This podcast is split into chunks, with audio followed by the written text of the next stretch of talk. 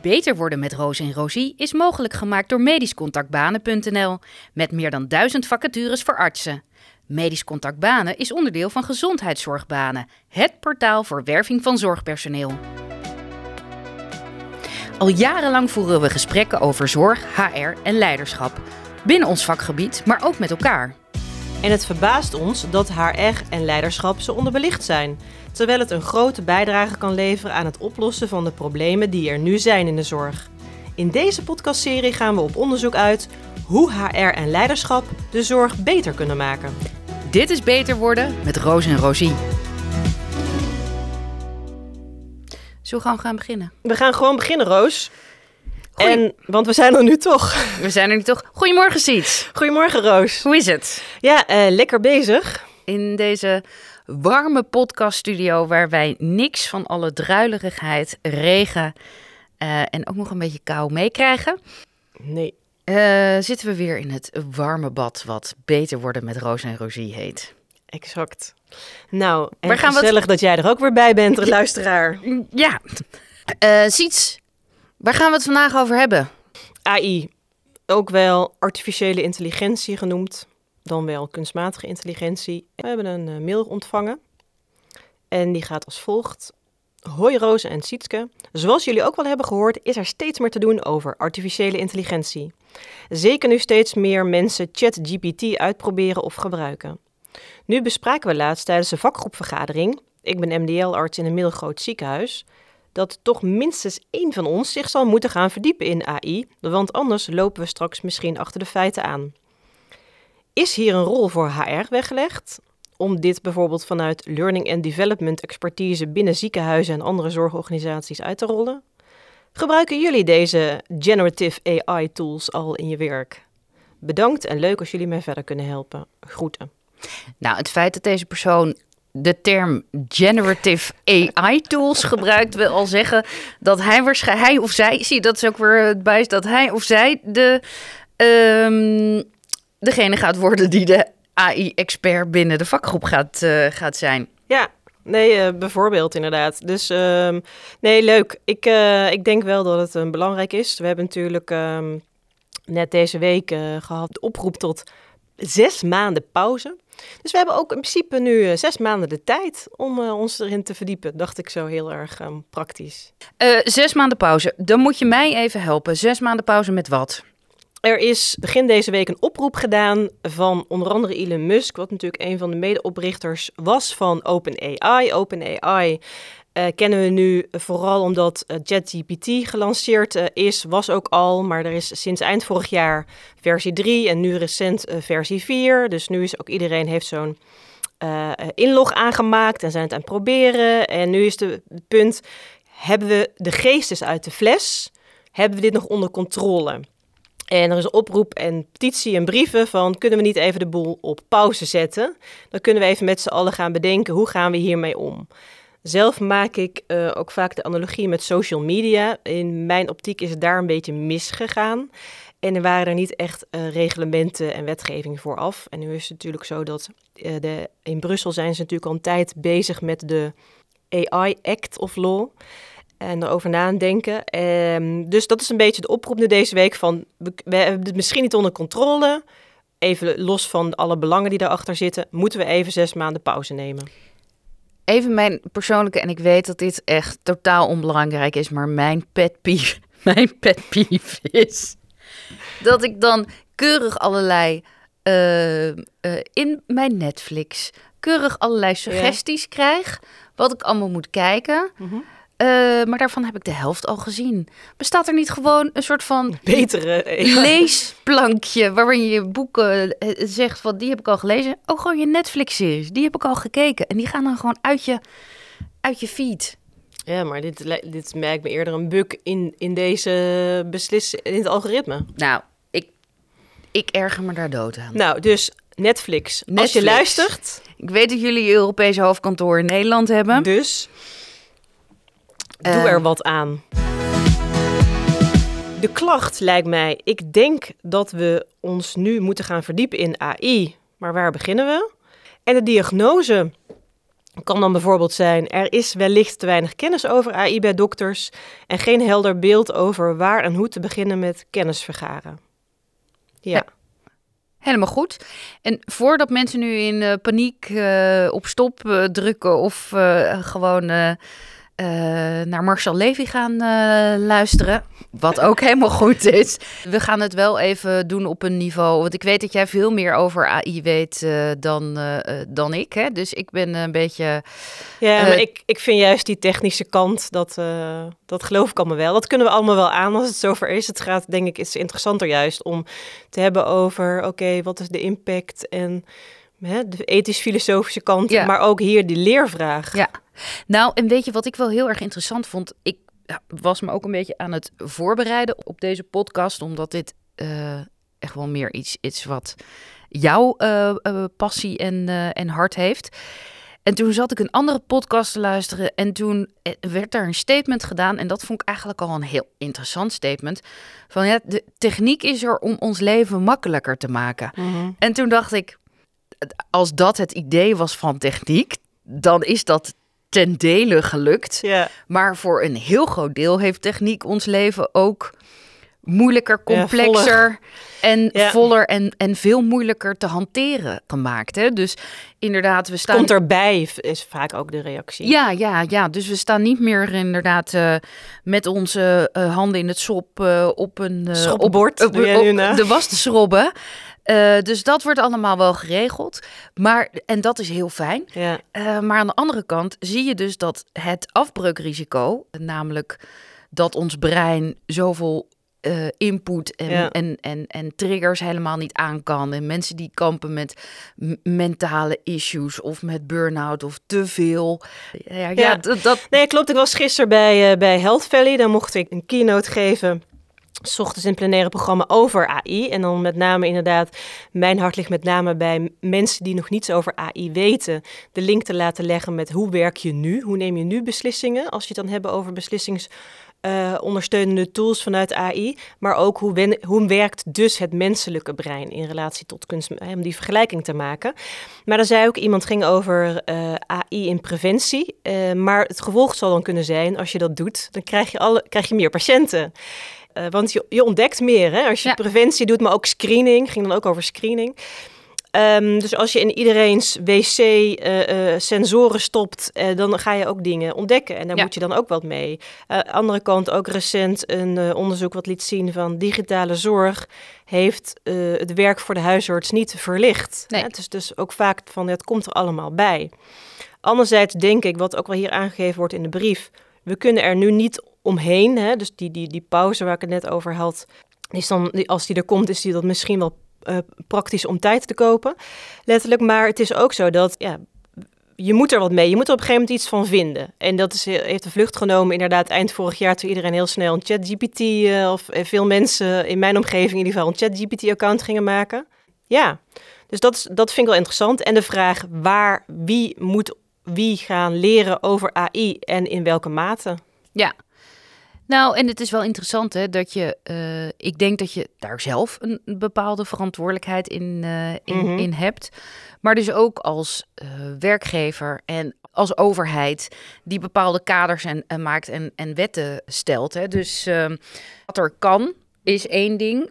En wat er, wa- wat er mag, is een tweede. En, en, dat, en dat, doet, dat doet de overheid voor, ook, Ja. voor een aantal andere eh, Ja. medisch-ethische eh, kwesties. Hè? Zoals het gaat om, eh, nou ja, om klonen of, of dingen met Ja, die, embryo's of, dat, of dat soort dingen. Daar, daar worden kaders voor gesteld. En dat, dat zou denk ik hier Mhm. ook heel, goed, heel goed zijn. Maar, en als je naar de Nederlandse talkshows kijkt, dan lijkt dat niet zo. Maar over het algemeen kun je beter kritische vragen over een onderwerp stellen als je er een beetje in hebt verdiept. Dus ik denk wel dat het Ik belangrijk denk, is. ik denk dat de Nederlandse talkshow daar een heel goed voorbeeld van is. Van het gebrek aan hele goede en kritische vragen. Ja, Ja, dus ik denk dat we inderdaad eh, wel voor moeten zorgen dat mensen er iets van af weten. Om, want die hebben vervolgens ook nodig om kritische vragen te stellen. Hè? Dus ehm, ik heb in België eh, deels gestudeerd en daar kreeg ik filosofie en wetenschapsfilosofie. Nou, dat komt natuurlijk best wel weer van past bij bepaalde dingen. Ehm, als ik over AI eh, nadenk en vertel. Maar ehm, Dus ik denk dat dat wel een verantwoordelijkheid is, inderdaad, voor de werkgever. Ik was vorig jaar uh, in Helsinki bijeenkomst bij, uh, bij softwareontwikkelaars voor een Europees project. En er was een softwareontwikkelaar en die zei: Dit is ons product als bedrijf, maar wij vinden ook dat al onze medewerkers, ongeacht wat je binnen ons bedrijf doet, ook iets moeten weten over AI. Dus die had een heel intern programma uitgerold, zodat iedereen ook daarin onderwezen werd. En ik denk dat we vanuit medisch leiderschap als dokter zelf verantwoordelijkheid hebben, inderdaad, wat jij al aangeeft. Maar ik denk dat op een gegeven moment de werkgever ook moet denken van... hé, hey, als ik vanuit mijn organisatie kritische vragen wil over waar we mee uh, bezig zijn en, en wat we gaan doen... dan moet je die mensen echt ook helemaal vanaf het begin ook echt meenemen, zoals dat zo... Uh... Nee, absoluut. En ik denk dat wat heel, wat heel belangrijk is, is dat je moet kijken waarin ondersteunt AI of andere technische tools mij? Wat helpt mij in het makkelijker maken van mijn, van mijn dagelijks leven? En wat werkt niet voor mij? Ja. Um, en je ziet heel, nu heel veel uh, uh, mensen die uh, de early adapters zijn en die er echt voor op de bres staan, daar vaak ook um, uh, misschien een beetje skin in the game hebben. Dus dat je een beetje, weet je, wij van wc eend uh, krijgen. Ja, wat je, ja Die, zeker. En, en, inderdaad, als je een hamer hebt, denk je dat alles een spijker is. Hè? Dat, je moet wel kijken, oké, wat zijn de relevante problemen die we kunnen oplossen? Niet van... Als je een hamer bent. als je een hamer bent. Nee, maar uh, als je een hamer in je hand hebt, dan zie je overal spijkers natuurlijk. Oh, op zo'n manier. Ja, nee, ik, denk, als je een hamer bent, dan zie je overal spijkers. Ja. ja. Ook dat. Ja. Hamers zien overal spijkers. Nee, maar dus, dus je moet ook wel kijken, maar, maar uh, dus niet van, want dat gebeurt natuurlijk ook. En dus misschien uh, vanuit de radiologie dat we daar wat meer ervaring mee hebben. Van, er komen natuurlijk tegen de plinten op allerlei bedrijven die van alles kunnen. Maar je moet ook denken, maar is dat een probleem? Heb ik, daar, heb ik een probleem dan? Want ja. als ik geen probleem heb, hoef ik dat ook niet op te lossen. Dan kom je op het, het uh, misschien de devaluatie of, of de inflatie van de, de term kritische vragen stellen. Hè? Dat mm -hmm. uh, doe je eigen onderzoek. Um, de, weet je, dat, dat, dat wordt toch een beetje ook zwart-wit neergesteld. Hè? Dus als ik nou even kijk naar AI-tools in bijvoorbeeld de, het, de HR-wereld, uh, dan wordt er of gezegd van uh, nee, maar menselijke maat die zijn super slecht in het beoordelen van mensen. Ja. En select, uh, selectie kunnen mensen ook al niet doen, want je hebt allemaal biases. Dus je moet dat helemaal door een, een, een AI-tool laten doen. Die kan precies zien welke mensen er geschikt voor zijn. Um, en je zegt, zegt, ziet mensen die zeggen van... nee, dat moet je juist absoluut niet doen en het is allemaal eng en je, en je weet niks. Mm, en, en kijk, ja. kijk maar bij Amazon, daar liep Ja. het helemaal uit de klauwen. Ja. Dus dat moet je gewoon, daar, daar, daar moet je heel voorzichtig mee zijn. En dat zijn een soort van twee Mhm. extremen. Maar daar hoef je natuurlijk niet tussen te kiezen. Weet Nee. je wel, die geven eigenlijk gewoon de, de piketpalen aan de flanken eh, aan. En daartussen moet je dus je eigen weg gaan zoeken. Mhm. En dat is het, het, de, de kritische vragen die je zelf dan moet stellen. Mhm. Meer misschien nog jezelf dan een ander. Wat wil ik? Waar heb ik hulp bij nodig? En wat, eh, wat helpt mij daarin? Nee, maar wat je zegt, hè, bijvoorbeeld, dat is een heel mooi voorbeeld ehm, over, over bias en het selecteren van mensen. Hè. Daar, daar, daar eh, is natuurlijk al heel lang discussie over. Hè. Kunnen wij, als zijn wij goed in het selecteren van mensen? Bijvoorbeeld een ke- bekend voorbeeld, als jij 's ochtends aan een sollicitant vragen stelt, dan zijn die vragen die zijn, eh, meetbaar anders dan als je 's middags vragen stelt aan mensen. Bijvoorbeeld, 's ochtends wil jij blijkbaar even hè, allerlei grote gemiddelden op een hoop weten wat iemand eh, kan. En smiddags wil je gewoon kijken of iemand een gezellig persoon is. Dus, maar als je dat weet, daar begint het natuurlijk mee. Ja. Het, begint, het begint met het, met het weten van, van dit wat ik nu net vertel. Want dan kan je er wat mee. Ja. Dus dat is al belangrijk. Ik geef gastcollege over AI en dan echt gewoon aan mensen die er nog niks van af weten. En dat kunnen dokters zijn of niet dokters. En dan zeg ik van, denken jullie dat AI bias gaat introduceren of reduceren? Nou, Kan allebei, ligt eraan. Ja, Ja. allebei, Ja. ja. Het gaat veel meer om het bewustzijn van. Want inderdaad, als jij, en dat is misschien bij Amazon gebeurd, dat weet ik niet, gebiased data gebruikt in je systeem. Dus je gaat zeggen, nou, we gaan kijken eh, eh, eh, wat de beste kandidaten zijn. En je hebt alleen maar blanke mannen in, je, in je database. Dan gaat dat er natuurlijk ook exponentieel weer uitrollen. Ja. Dus alle vrouwen worden er volgens uitgefilterd, om er iets, om er iets te noemen. En je- weet niet wat je niet weet. Nee. Hè? Dus niemand doet dat bewust. Maar daarom is- zijn het ook onderbewuste eh, biases. En dingen kunnen op het oog heel onschuldig lijken, die toch een bepaalde impact hebben. Ja. En ook de menselijke maat is daarin dus heel erg belangrijk. Ik hoorde een voorbeeld dat mensen. of Dat er eh, cv's, volledige cv's in een AI-tool werden geladen. Mhm. Ehm, maar daar staat ook mensen hun postcode bij. Daar werden bepaalde beslissingen op Oh, ja. genomen. Ja. Nou, denk ik, maar dat is mijn gedachte. Wat raar dat je postcode meeneemt, want dat zou Ja. toch helemaal niet relevant hoeven zijn. Nee. Maar blijkbaar dachten zij gewoon, oké, we Huppakee, laden die ja. hele... En wat bleek dus, ehm, dat eh, postcode een eh, indicatie kan zijn voor ras, omdat Ja, in bepaalde etniciteit, eh, etniciteit, ja, ja. dat bepaalde wijken eh, bepaalde etniciteiten meer of minder hebben. En dat je dus ziet dat er wellicht dan meer mensen uit postcode, wat is het, eh, 1071 in Amsterdam worden aangenomen. Dat is ou- Oud-Zuid. Dan weet ik veel, eh, Ja. 1021 wat in Noord is, weet je wel. Dus dingen die op papier he- neutraal zijn, Mhm. kunnen alsnog een, eh, een bias worden in een... Met eh, alle gevolgen van die. met je al- zegt, ja. ja. terwijl je misschien juist je intentie was om het neutraler te, te Precies. maken, dit proces. Ja, nee, zeker. En wat gebruik jij nu? eh, bijvoorbeeld, eh, nou, wij hebben volgens mij allebei een ChatGPT-account. Ja. Eh, heb, jij, die, ik, die ga ik dus ook de show notes laten maken voor deze aflevering. Dat lijkt me, dat lijkt me hartstikke leuk. Vanzelfsprekend. Ja. Gebruik jij in je werk ChatGPT? Ja.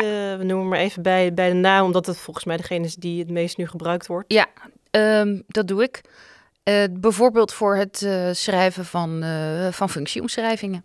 Ja. Of, en dan bijvoorbeeld ook functieomschrijvingen zoals je ze in je interne database hebt staan. Ja. En die dan vertalen naar advertenties. Oh En- ja, dus de feed voor de ChatGPT is dan je, je tekst die je hebt, zeg maar, je, je, je Ja, prototype tekst. En die prototype tekst kun je ook laten schrijven. Dus Ja. dan kun je zeggen van... eh, laten we, noem eens even een wel, willekeurige... eh, Gewoon een eh, verpleegkundige voor de afdeling MDL hier. Hebben Ja, we- nou, verpleegkundige voor de afdeling MDL van een, wat is het, een middelgrote Ja. perifeer ziekenhuis. En dan kun je dus ook al de naam van het ziekenhuis ingeven. En dan zal ChatGPT vanzelf al een leuk stukje over het ziekenhuis eh, Oh, eh, ja. schrijven. Dus bij omschrijving van het bedrijf eh, zal hij zelf al die bedrijfsinfo geven. En dan krijg je keurig vereiste werkervaring, vereiste opleiding, eh, eh, competenties. eh, wat bieden wij? Dus keurig met de kopjes met de structuur erin, ja. met de structuur erin die je, die je zoekt. Ehm, en die kan je daarna gaan aanpassen. ja die tweaken per doelgroep of... Ik heb het bij een business controller gedaan. En dan heb ik gezegd van, eh, kun je deze eh, eh, advertentie herschrijven zodat die aansprekend is voor millennials? En dan krijg je dus een andere tekst. We hebben Dan- hier zitzakken. En, en, Ja, nee, maar dat krijgt dus van de, de purpose van dit bedrijf. En de, de, je kan hybride werken. Nou ja, Mhm. noem, noem het maar op. Maar ehm, je kan dus ook zeggen van... oké, we zoeken een MDL-verpleegkundige. Kun je hem zo herschrijven dat ehm, deze aantrekkelijk wordt voor herintreders. Ja. Hey, ook eh, herintreders. Sorry. Die, eh, Die reclame. Ehm, dat kun je, kun je doen. Maar je kan dus ook zeggen, en dat is ook gebruik maken van de bias. Mhm. Eh, kun je deze eh, herschrijven zodat die aantrekkelijker wordt voor bepaalde groepen minderheden. Ja, Ehm, ja. Dus eh, voor vrouwen, als dat vrouw is, of voor mannen, als mannen Ja. een Minderheid zijn een minderheid groep, zijn. Of ook voor culturele diversiteit of, of genderdiversiteit. Of kun je deze zo inclusief mogelijk Ja, of neutraliseren. Hè? De- het woord excellent schijnen dus eh, vrouwen vervelend woord te vinden in een vacature, om er iets te noemen. Ik zag laatst bij een, maar dat, dat is een beetje de menselijk. En dat is daarom altijd een samenspel tussen AI, Mhm. of techniek en de, en de mens. Want ja, ik ga er natuurlijk altijd doorheen. Maar ik heb een, Ik heb Mhm. een, een, een bestand waarvan ik kan werken en dat kan ik controleren. En Mhm. dat werkt vaak veel prettiger dan dat je het zelf schrijft Mhm. en dan jezelf moet gaan controleren. Want dat, het- Dan blijf je... eh, ja. ja, dan, dan word je niet geconfronteerd. Terwijl als je iets ziet wat niet van jou is, Ja. dan kijk je daar met een andere blik naar. Ja. En, en met een kritischer blik dan als je het eerst zelf gaat schrijven en er dan nog eens doorheen eh, eh, gaat lopen. Ik zag overigens bij een, een advertentie ook laten staan van ehm, uit onderzoek is gebleken dat mannen eh, solliciteren als zij zich voor 60% Oh, ja, van de punten ja, geschikt vinden en vrouwen als ze zich voor 100% eh, van de punten geschikt vinden. Dus ook al ben je niet voor Oh, dat alles stond expliciet in stond- vacature. vond- ja, in- dat is toch mooi. hè? ja, dus ook al voldoe je niet aan alle punten, nodigen we je toch uit om te solliciteren. Dus de, op Ja, op- benoem het maar gewoon. Ja. benoem het maar. Dus op zo'n manier kun je dus ook inderdaad je tekst Ja, eh, en die kennis gebruiken. inclusiever Ja. maken. Maar je zou bijvoorbeeld ook kunnen zeggen eh, binnen chat eh, GPT kun je met een wervende tekst komen of een, of een wervende brief eh, of een actieplan die mij kan helpen om parttime werkende verpleegkundigen meer te laten werken. Oh ja, gewoon... en dan, ja, en dan komt chat Hoe ga ik dat gesprek hoe aan? ga ik dat of gesprek hoe, aan? ja. Of wat zijn dan de overtuigingen? Mhm. Wat zijn de, de, de argumenten die je kan gebruiken? Nogmaals, neem het niet klakkeloos over. Nee, maar je hebt gewoon een begin. Maar, maar kijk waar die mee komt. Ja. En dan kun je dus een soort van brainstorm, zeg maar, Ja. met jezelf eh, eh, en met chat eh, GPT voeren. En daar dan het gesprek over Ja. aangaan. Ja, leuk. Maar ja, en het kan dus ook wel zijn. Dus wat je al zegt, is eigenlijk dat je daar ook zelf weer een soort van scherper van kan worden. Hè? Ik ben, ik ben er heilig van overtuigd. En dat is ook een beetje bijvoorbeeld. Je ziet het ook bij rechters. Weet je dat er altijd zo'n discussie is. Ja, van, zeker. Daniel Kahneman heeft zijn hele boeken half over rechters, eh, ge- ja? over de beslissingen die rechters nemen. Ja, Ja. daar is ook van alles van. Voor en na de pauze bijvoorbeeld al. Dat is, daar is alles van. Maar toch zeggen we, er moet altijd een menselijke maat eh, Mhm. in blijven. Ja, en de discretionaire bevoegdheid van ambtenaren. eh, ja. Precies. Ik heb meegemaakt eh, in mijn, in mijn eh, niet mijn, nou ja, ik heb het zelf niet gedaan, maar in mijn omgeving, Ja. Dat er eh, op basis van algoritme werd bepaald eh, wie er ontslagen werden in een eh, reorganisatie. En, dan- welke data was er gebruikt om dat algoritme te voeren? Nou ja. ja, als, dat, als, als, je Ja. zegt, als je zegt er moet een grote reorganisa- reorganisatie plaatsvinden en we gaan afspiegelen en daar Mhm. gebruiken we eh, eh, te- eh, technologische ondersteuning voor, dan kan dat. Dan, dat is helemaal goed. Dan moet je dat allemaal met de hand gaan uitrekenen. Wie is er, weet je wel, ja, in welke doelgroepen zit dat? Dus het is een, nou ja, kan een complexe exercitie zijn.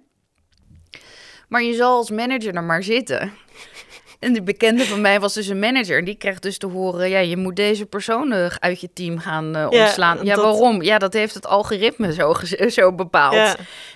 En ja, dat is natuurlijk wel een Ja, beetje plus je moet het ook wel kunnen uitleggen aan degene die je gaat eh, ontslaan. Hè? Dat is natuurlijk bekend ook nu met de, heel iets anders, maar de WOS-waarde van huizen, die wordt ook door algoritme Ja, gedaan in sommige gemeenten. Maar vervolgens gaan mensen bezwaar maken, maar kan niemand uitleggen ja. eh, waar het dan aan ligt. Nou ja, dat, dat is dus belangrijk. Je hebt nu bijvoorbeeld ook in, in allerlei tools, en die, ja, dat houdt dan bij medewerkerstevredenheid en achtergrond. En, Mhm. en die, die- daar, daar wordt een ehm, eh, ontslagfactor eh, aangekoppeld. Dus wat de kans is dat iemand Ah, ontslag gaat Oh. nemen. Oh, nee, ik was echt Ja, verloop. ja, ja, ja. ja, ja.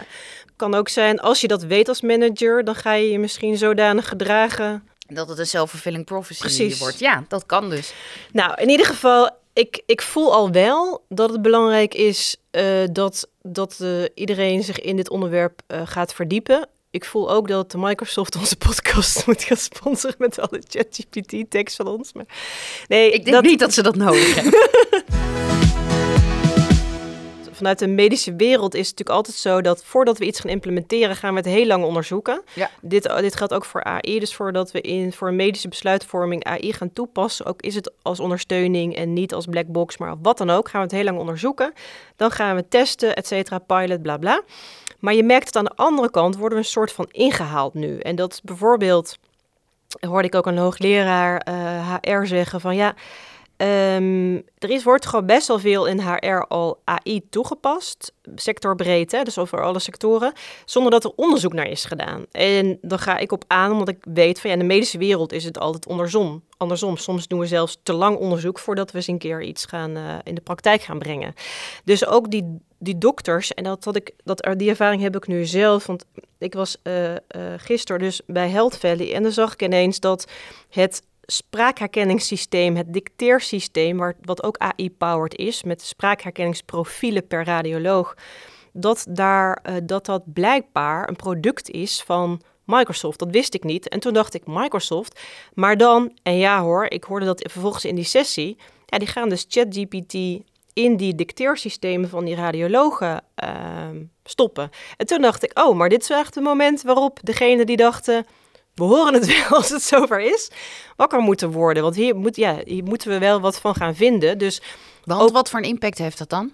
Nou, kan, je krijgt, ik zie het even als een soort extra laag. Dus waar we de radiologie al heel lang mee bezig zijn. Want je hebt natuurlijk vroeger ging alles op cassettebandjes. Mm -hmm. In, een, in een soort van oude cassette recorder ging je dicteren. Spraakherkenning nu, waardoor er een tekst verschijnt in beeld.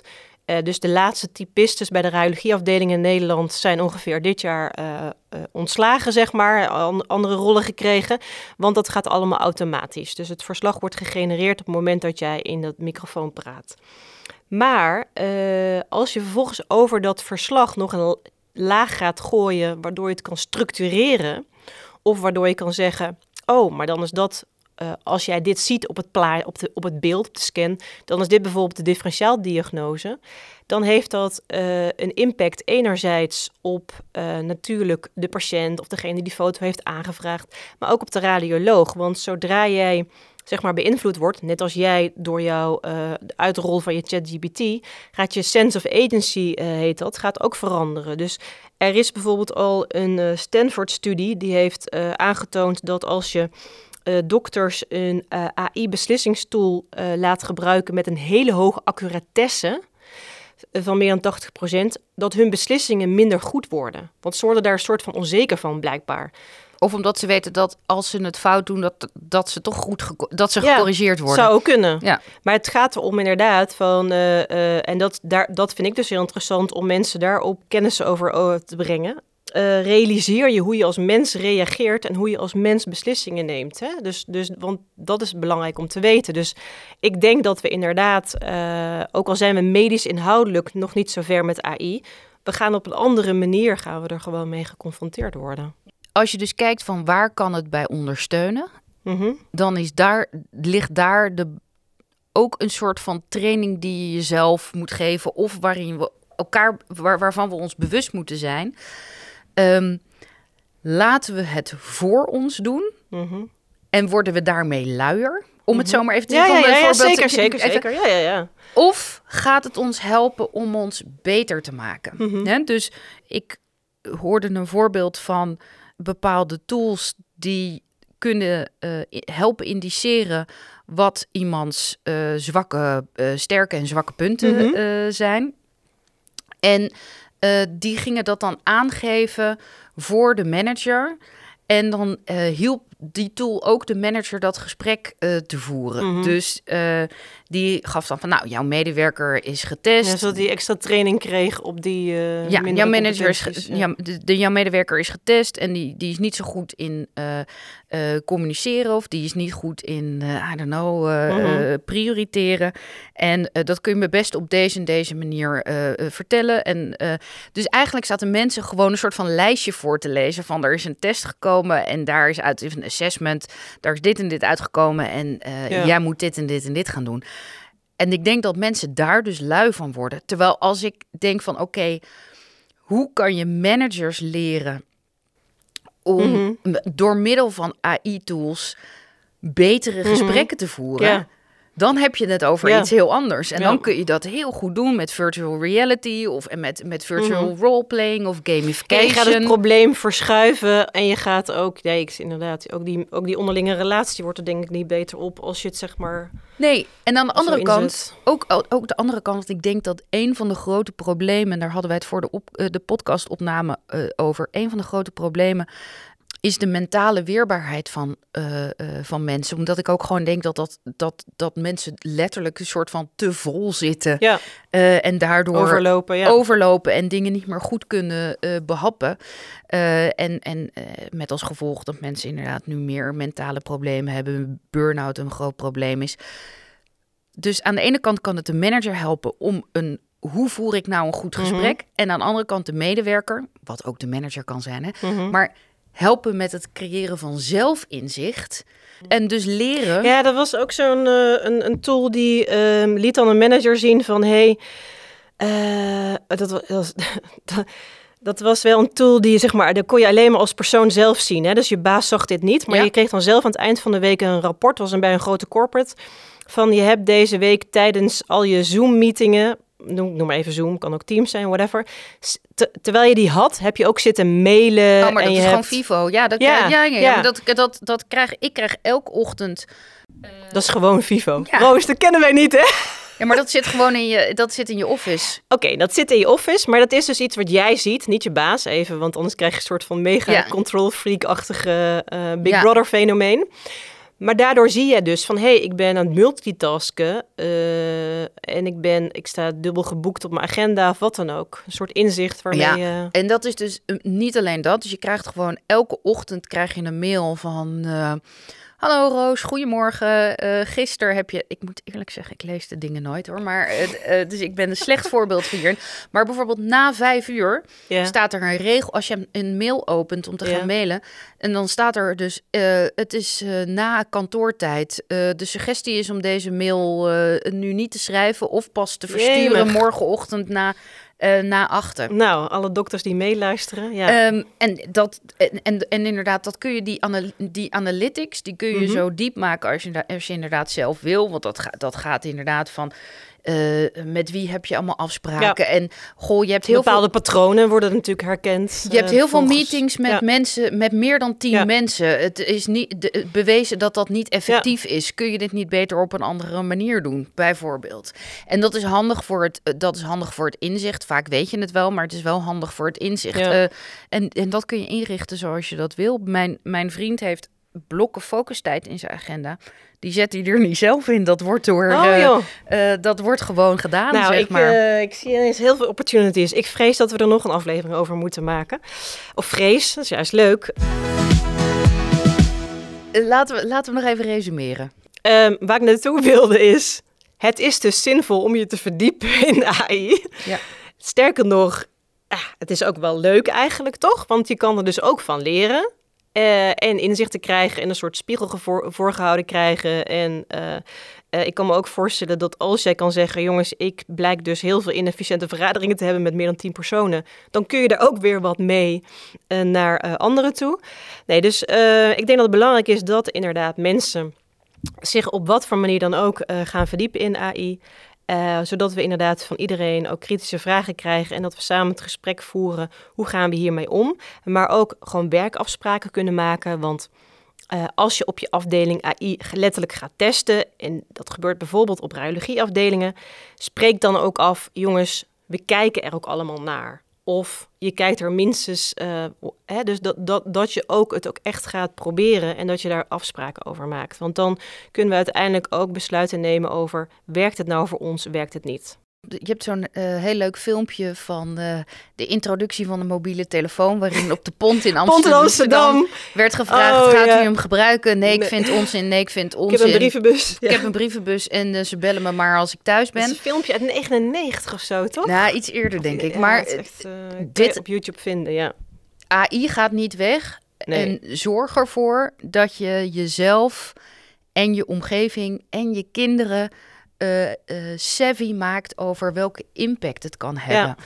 En maak jezelf weerbaar, omdat het een enorm potentieel heeft, maar ook een enorm afbreukrisico. Ja. En ik denk nou, dat dat het, het belangrijkste het, het, is om te kijken van hoe ga je daarmee om. Ja, want het doet ons ook beseffen wat het is om mens te zijn. Ja. En de waarde daarvan. Precies. Oké. Okay. Ja, ik denk wel dat we zo. Uh, ik hoop dat we ja. onze brievenschrijver geholpen hebben. Mocht je nou nog vragen of opmerkingen hebben, uh, stuur ons dan een mailtje naar info.roosenrosie.nl. Dat is en uitgeschreven en Rosie met een Z. Ehm, wil je kijken wat wij voor jou en of je organisatie kunnen betekenen? Ga dan naar onze website www.roosenrosie.nl en dan zien wij of horen wij jullie weer snel.